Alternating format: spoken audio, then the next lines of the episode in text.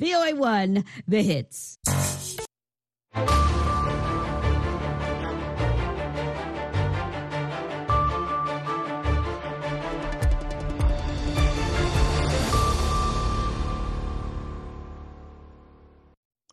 halkani waa washington laanta afka soomaaliga ee v o a oo aad ka dhagaysanaysaan mawjadaha gaaggaaban efmyada geeska africa iyo barta internetka ee v o a somali com.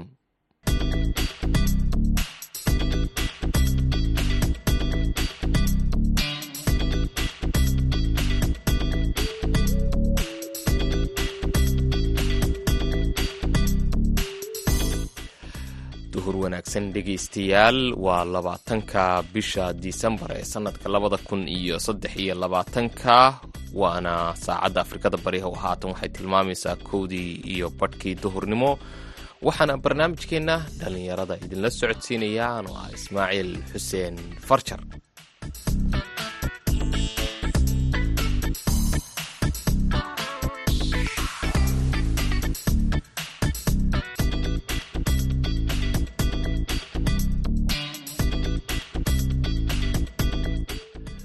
qodobada aad ku maqli doontaan idaacadda duhurnimona waxaa ka mid ah shirka heritage ee jabuuti iyo doorka dhalinyarada. Caase dhalinyaro ahaan waxaa ii muuqata fursad aada u weyn inay tahay.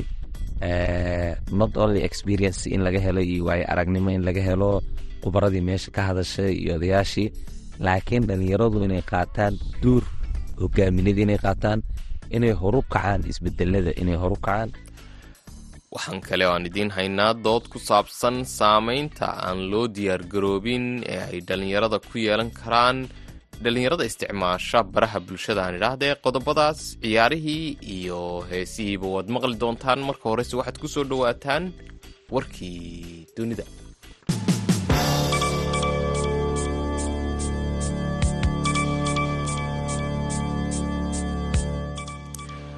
maraykanka ayaa ka shaqaynaya khariidada lagu howlgelayo kadib marka la joojiyo dagaalka ka socda marinka khaza isaga oo dabada ka riixaya in dibu habeyn iyo dibu nooleyn lagu sameeyo maamulka falastiiniyiinta oo ugu dambeyn la wareega maamulka marinka khaza islamarkaana ay noqdaan garab lagu kalsoonaan karo oo israa'iil kala xaajooda hindisaha labada dowladood ee falastiin iyo israa'iil mid ka mid ah soo jeedimaha miiska yaalla ayay ka mid yihiin in la xoojiyo laamaha ammaanka ee ka socda maamulka falastiiniyiinta ee ku sugan marinka khaza si ay xudun ugu noqon karaan ciidan nabad ilaalineed oo ballaadhan sida uu sheegay sarkaal sare oo ka tirsan dowladda maraykanka oo ka gaabsaday in magaciisa la shaaciyo hase ahaatee israa'iil ayaa ku gacan saydhay qorshahaas. Ra'iisul wasaare benyamin netanyahu ayaa sheegay in ciidamada difaaca ee israa'iil ay yihiin kuwa keliya ee lagu aamini karo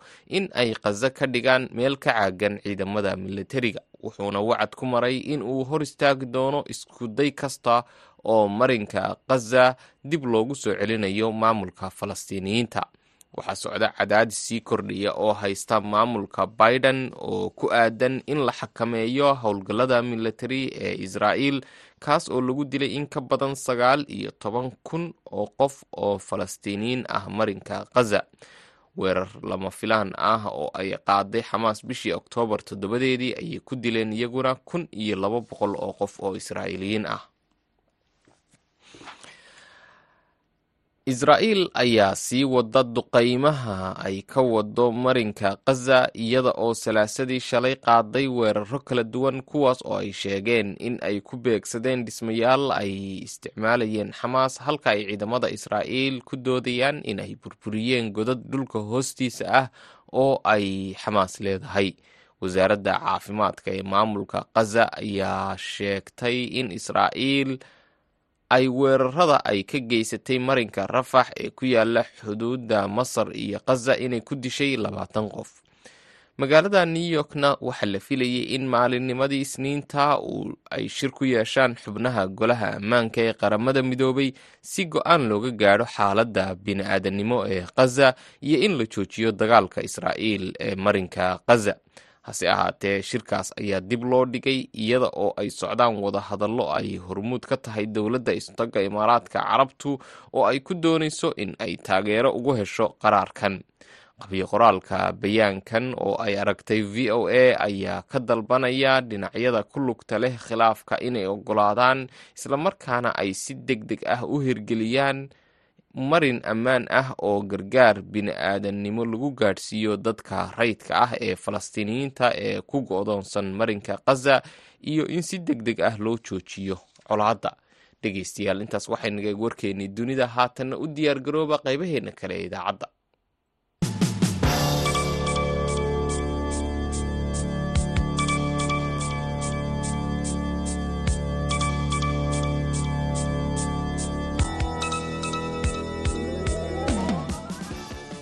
duhur wanaagsan dhegeystayaal laanta afka soomaaliga ee v o yaad nagala socotaan.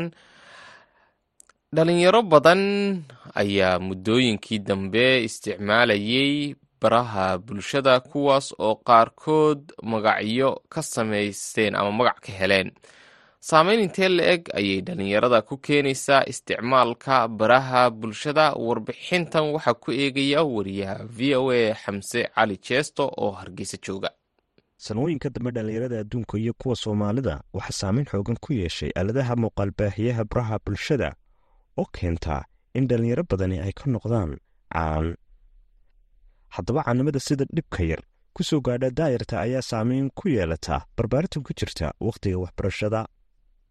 Sida uu sheegayo shaafici aadan nuux oo ku magac dheer salabaandheere berigii hore dee waxaa lagu dadka waxay ku noqon jira wax caadiya oo qofka uusoo diyaargaroobi jira caanimadiisa ma garanaysaa hadda qofka caanimadii ma diyaargaroobayay bartiisa ku qabsanaysaa iyadaa soo doonanaysa.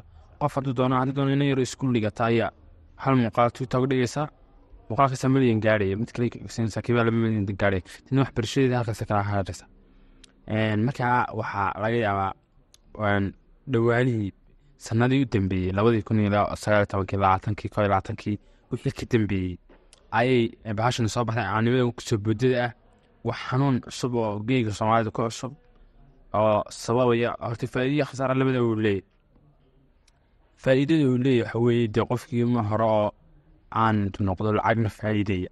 Dadkiina ma eranaya magaciisana saraynayo. Weye khasaaruna waxa weeye dee qofka aan caaliyo diyaargaroobin haddana wax baranayay waxbarashadii socotay leynkuu socday intuu caan noqday laga waalay dadna waxbarashadiisi barti kaga tegey mustaqbalkiisi barti kaga tegey ibraahim cabdinaasir axmed oo ku magac dheer koorcase ayaa sheegay dhibaatada ay leedahay caannimo aan dhaqaale lahayn iyadoo bulshada qaarkoodna ay kala kulmaan hadallo aanay ka helin.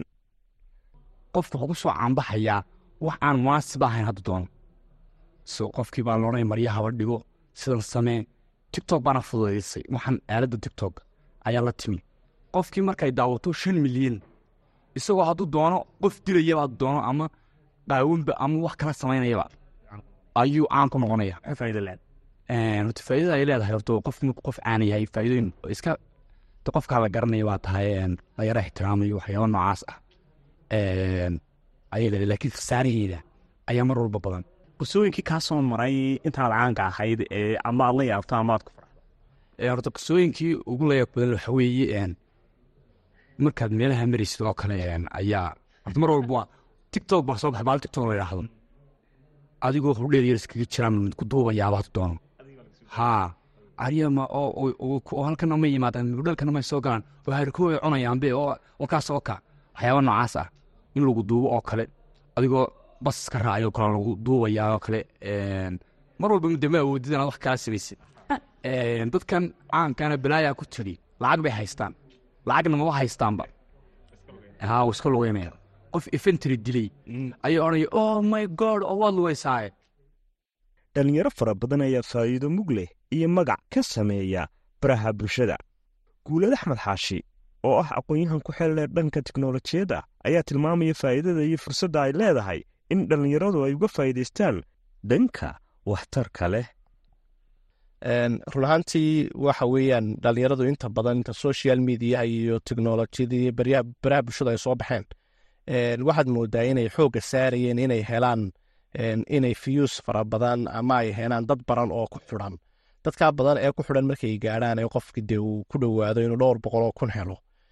Waxaa imanaysa calaamad su'aal qofkii caan buu noqonaya caanimadana waxay leedahay caqabad bay leedahay qofkii dhallinyarada ahaa oo caano oo aan haddana haysan koobka shaha waxa uu ku cabo mushkilad bay qofka ku noqotaa. Mushkiladaasina hadhow tale qofka waxay ku abuurtaa xaalad maad aragtay nafsiyeed oo kakan oo qofku uu yeesho laba shakhsiyadood. Shakhsiyad dadku ay u yaqaanaan oo taa uu quruxda badan leeyahay ee kula dhex jiro arrimaha bulshada iyo social mediaha iyo shakhsiyaddiisa dhabta ah ee ah inaanu qofka waxba ku hayn. Marka waxaynu odhan karnaa waxaa muhiima kow inuu horta marka qofka koowaad uu ku baraarugsanaado sidee wax faa'iidaa uga samayn karaa waxaan odhan lahaa horta waa inuu sumcad fiican qofku yeeshaa qofku marku viewers fara badan iyo dad badan ay ku xidhan yihiin ama dad badan oo farowgaranaya waa inuu yeeshaa horta suncad suncaddaasi waxay ka kaabasaa ayay ka faa'iidaysaa inuu hadhow tale ganacsi u rogi karo dadka wax u xayeysiin karo wax badan maad aragtay hadhow tale isku xidhxidhi karo laba waa inuu garanayo hababka kale ee youtube-ka iyo facebook iyo tiktokba lacag looga samayn karayo. Waa inuu markaa dadka hore uga sameeya ee garanaya hababka loo maro si lacagtaasi loo helo. Waa inuu ku baraarugsanaada markuu intaas sameeyo waxaa laga yaabaa qofku inuu lacag ka samayn karo iyo hantiba uu ka samayn karo. Ayna is yeelan karaan magacan weynuu yeeshay iyo waxa uu ka faa'iidaya dhalinyaro badan oo adduunka geesihiisa kala duwan ku nool ayaa dhaqaale iyo magac ka sameeyey teknolojiyaddan. Muddooyinka dambe caalamka wax badan ka beddeshay xamse cali jeesto v o a hargeysa aad buu mahadsan yahay xamse cali jeesto haatanna dhinacii heesaha ayaa idinku soo maqan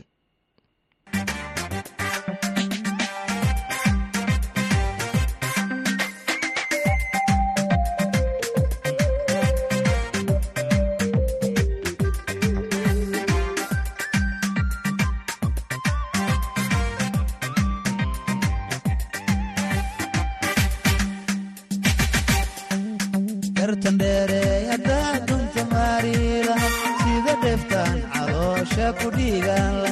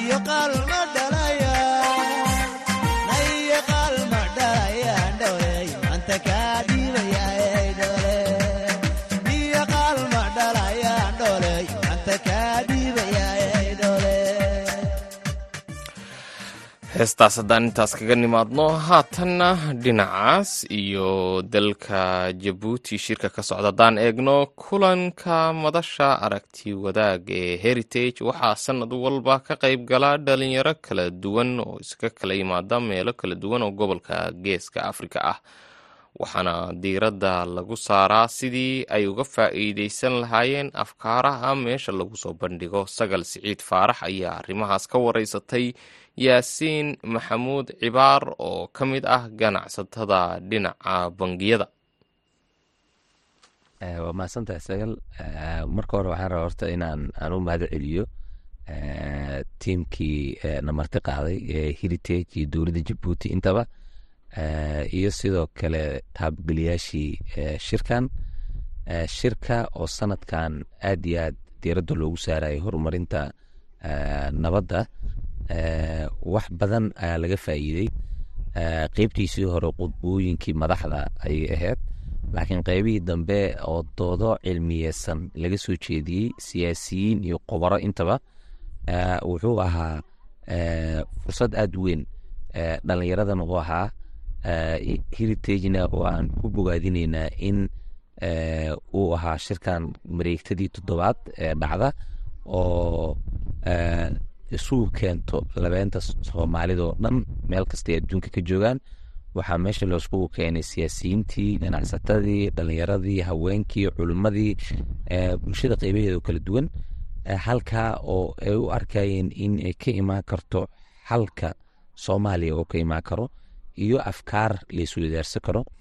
Aase dhalinyaro ahaan waxaa ii muuqata fursad aada weyn inay tahay not only experience in laga helo iyo waayo aragnimo in laga helo khubaradii meesha ka hadashay iyo odayaashii laakiin dhalinyaradu inay qaataan duur hogaaminadii inay qaataan inay horu kacaan isbedelada inay horu kacaan.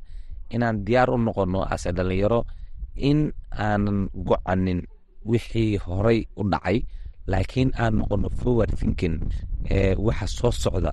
Dad ku tashta mustaqbalka ballaangareeya qorshihiisa dejiya inaan noqono. Waxaana isla yaraa waktiga dhalinyarada waa la joogaa. The right time inay dhalinyaradu ay horu kacday isbedelada dhacaya. Nabaddana qeyb weyn aan is leeyahay way ka dheeli karaan dhalinyarada waxyaabihii maanta meesha laga soo jeediyey ku jirtay qodobada lagu waaweynay fatiiga ama in laga daalay colaadihii iyo waxyaabihii laga daalay. Marka dhalinyaradu inay ka faa'iideystaan fatiigaas iyo daalka ka muuqda bulshada in laga faa'iideysto oo loo bedelo fursad lagu abuuri karo nabad waarta iyo horumar iyo barwaaqo lagu abuuri karo. Marka kaalinta dhalinyaradu hadda saa sheegtoo kale kaalin muhiimay ku leeyihiin ayaga qudhood in la dhisay u baahan yihiin. Haddana ayaga waxaa laga rabaa inay wadanka mustaqbalkiisa dadkii berito hogaamin lahaa. Dhalinyaraa tahay ganacsadana waa tahay. Qof dhalinyara oo ganacsadaa maanta muhiimad intee leeg buu wadanka u hayaa waxay ka qayb qaataan nabadda maadaama ay meel kastoo maalgelin lagu sameeyo shaqa abuur la abuuro oo shaqa oo dhalinyaradii loo abuuro fursado maalgelineed dhalinyarada la siiyo. Waxay hoos u dhigaysaa xadiga cunfiga iyo gacanka hadalka ay hoos u dhigaysaa. Marka waa fursad aad iyo aad weyn booth ase ganacsade iyo ase dhalinyaro ahaanba inay waktigii saxdahayd ay tahay oo loo abuuri lahay dhalinyarada jawi ka bedelin jawiga aan ku aragno taariikhdii dhoweedee soomaaliya oo dhibaatada iyo mushkiladda iyo rafaadka iyo mar kastoo ay soo laalaabtaan dhibaatooyin ay aada u soo laalaabtaan oo saameeya nolosha dhalinyarada kuwaasaa ku qasba inay qaataan go'aamo mararka qaar aad iyo aad noloshooda halis ugu ah dhib ku ah. Laakiin waxaan is leeyahay shirkana aan is leeyahay waa looga faa'iideysan karaa in dhalinyaradu intaa isku wareysato. Xadiga dhalinyarada joogay aada u fiicnaa sanadkan ee ka soo qaybgala shirka. In la sii kordhiyo waayo aragnimadooda inay doodahan ay yeeshaan doodo ay ka wada hadlayaan ay soo jeedinayaan xalka rasmiga maadaama ayagu ay ka yihiin dadkii bulshada ka yimid mustaqbalka dadkii forward thinkingka lahayo hore u sii fikiraya waa fursad aad iyo aad u weyn. Ase ganacsadana in fursado loo abuuro shaqo loo abuuro dhalinyarada maalgelino la siiyo waxay kor u qaadaysaa nabadda. Haddana muqdishoan ka imid bilicda magaalada ka muuqata iyo dhismayaasha iyo ganacsiyaasha socda iyo dee ganacsatadu qeyb weynay ka yihiin specially bankiska eh, inay garab istaagaan. Mar kasta eh, dhalinyarada dadka afkaarta la yimaadana ay eh, fursaddaas siiyaan loogu maalgeliyo fakarkoodii iyo halabuurkoodii. Bangiyada hadday noqoto kan dowladda dhexe iyo kuwa kaleba in hadda aaday u shaqeynaya runtii horumar horumar aada u badan ay sameeyeen en- en- en muddooyinka dambe. Markaad eegta bulshadeena oo muddo ka maqnayd qaabkan nidaamkan bangiyada ama in amaah laga qaato ama akoon lagu yeesho ama in lagu shaqeeyo dadku hadda say u fahmeen xaggee joogaan Eh, waa su'aal aada u wanaagsan. Eh, waxaan is leeyahay magaalooyinka waaweyn eh, waxaa gaaray serviceka bangiyada hadda waa gaareen. Weli waxaan dhihi karaa waa waxaa lagu jiraa sanadihii horaa lagu jiraa inkastoo magaalooyinka waaweyn aad iyo aad maadaama hadda aan ku dhownahay shan iyo toban sano wax ku dhowdhow bangiyadeena qaarkood ay jiraan.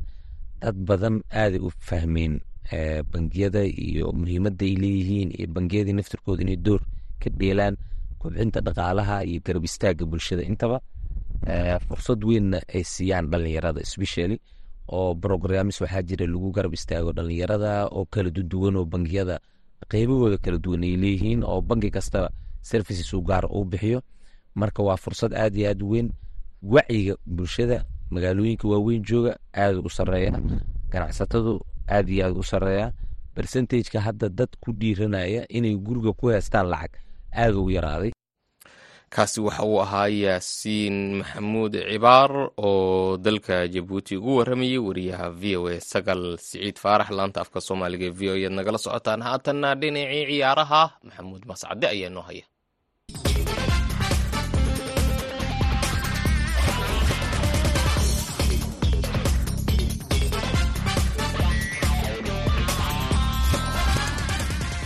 Kulan wanaagsan dhegeystayaal dhammaantiinba kuna soo dhowaada xubinta ciyaaraha haddii aan ku bilaabo koobka e f l kaabka ee waddanka ingiriiska habeenkii xalay ahaa goor dambe saddex kulan ayaa la ciyaaray oo lagu soo gudbayay ciyaaraha semifinalka ee koobkaasi kooxda kubadda cagta everton oo gurigeeda ku ciyaaraysay ayaa martigelisay kooxda kubadda cagta ee fulham.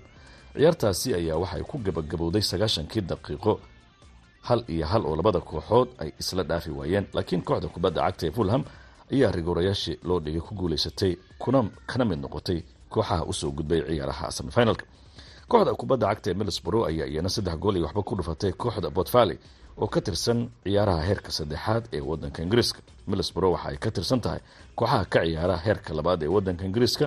Saddexda gool ay ku badisayna waxay u suurageliyeen inay noqoto kooxda keliya ah ee u soo gudubtay ciyaaraha semifinalka ee aan ka ciyaarin horyaalka heerka koowaad ee wadanka ingiriiska. Kooxda kubadda cagta ee chelsea oo gurigeeda ku ciyaaraysay ayaa martigelinaysay kooxda kubadda cagta ee newcastle united ciyaartan oo xiisaheeda lahayd ayaa kooxda kubadda cagta ee newcastle united ay gool la hormartay laakiin ciyaarta oo laba daqiiqo ay ka dhiman tahay afar daqiiqo oo lagu daray. Xilligii dheeriga ah ayay kooxda kubadda cagta ee chelsea dhalisay gool. Goolkaasina waxa uu ka dhigay inay ciyaarta barbarayso ciyaaryahan modrig oo ciyaarta gadaal ka soo galay kooxda chelsea-na ugu kacay lacag aada u fara badan ayaa waxa uu noqday xidigani haatan mid kooxdiisa ka badbaadiyey inay guuldaraysato waayo rigoorayaashii loo dhigay ayay kooxdiisu afar iyo laba ku badisay. Sidaasina ciyaaraha semifinalka chelsea ayaa u soo gudubtay. Newcastle unitedna sidaasi ayay ku hartay. Everton middlesbrough iyo chelsea ayaa ah saddexda kooxood ee soo gudbay. Waxayna haatan saddexdaasi kooxood sugayaan inay ku soo birto kooxda kubadda cagta ee liverpool ama westenham united oo caawa labadooduba ay kulan xiiso badan ku ciyaarayaan. Gegida anfield ee liverpool ay ku ciyaarto labadan kooxood ciddii badisa ayaana noqon doonta kooxda afraad ee u soo gudubta ciyaaraha semifinalka ee koobka iyo falkaabka. Dhinaca kale kooxda kubadda cagta ee manchester city ayaa habeenkii xalay xaqiijisay u soo bixitaanka ciyaarta kama dambaysta ee koobka kooxaha kubadda cagta adduunka oo ay kaga adkaatay kooxda wara red diamonds oo ka dhisan wadanka jaban. Kooxda kubadda cagta ee manchester city ayaa ciyaarta kama dambaysta habeenka jimcaha waxay la ciyaari doontaa kooxda kubadda cagta ee fluminense ee wadanka brazil. Ciddii badisana koobkaasi ayaa faraha laga gelin doonaa. Dhinaca suuqa liibsiga ciyaartoyda haddii aan jaleeco ciyaaryahan icardi oo ciyaaray kooxda galatasaray ayaa waa haatan doondoonaysa kooxda kubadda cagta ee real madrid halka ciyaaryahan evan ay isku haystaan kooxaha kubadda cagta ee chelsea iyo arsenal waxaana kooxda brentford ay kooxahaasi u sheegtay in xidigani uu kici doono lacag gaaraysa ku dhowaad boqol milyan oo ganiga ingiriiska. La arki doonay haddii haddaba kooxahaasi xidigaasi ay soo xerogeliyaan xubinta ciyaaraha dhegeystayaal inta ay ku soo gabagabeena tan iyo kulan dambe waa mascadeedu ku dhaafay sida ay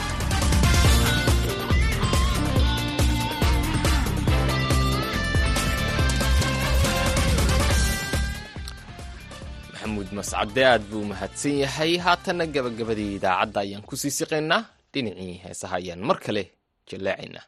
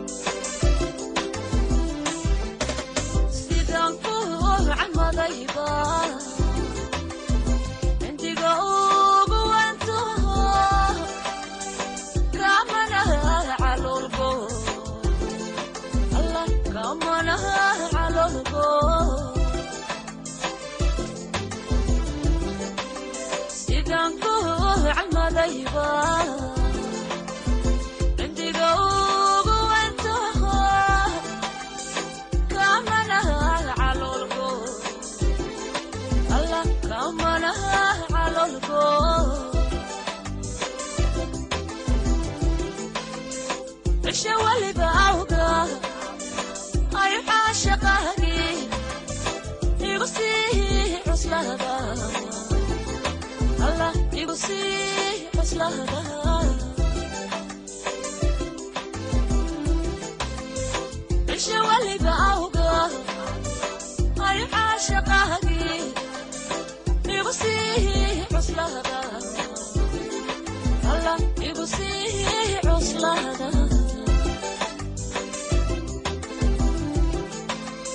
وهعدو جعلكم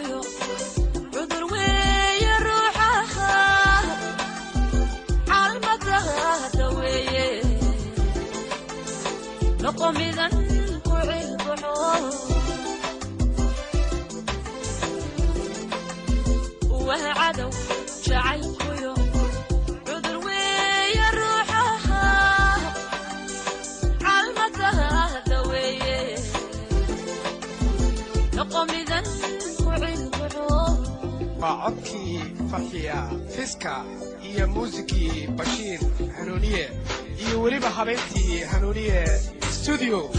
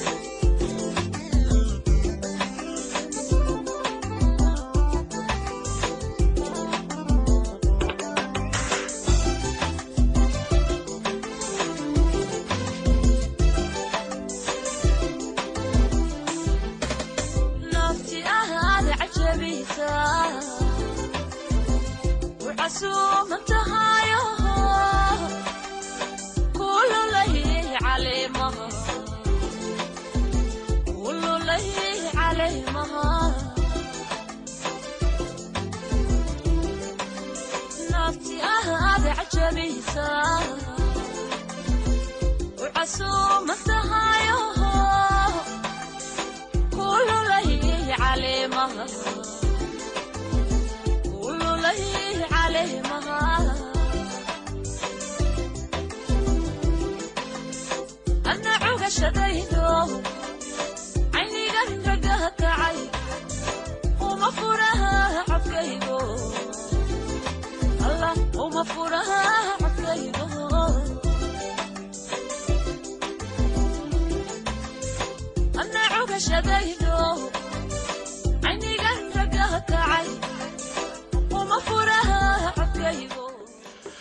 heestaasina waxay gebagabo u tahay barnaamijkeennii dhallinyarada tan iyo intaynu idaacadda xigta ee afarta ku kulmayno waxaan idkaga tegaynaa sidaas iyo ismaqal dambe oo xiise leh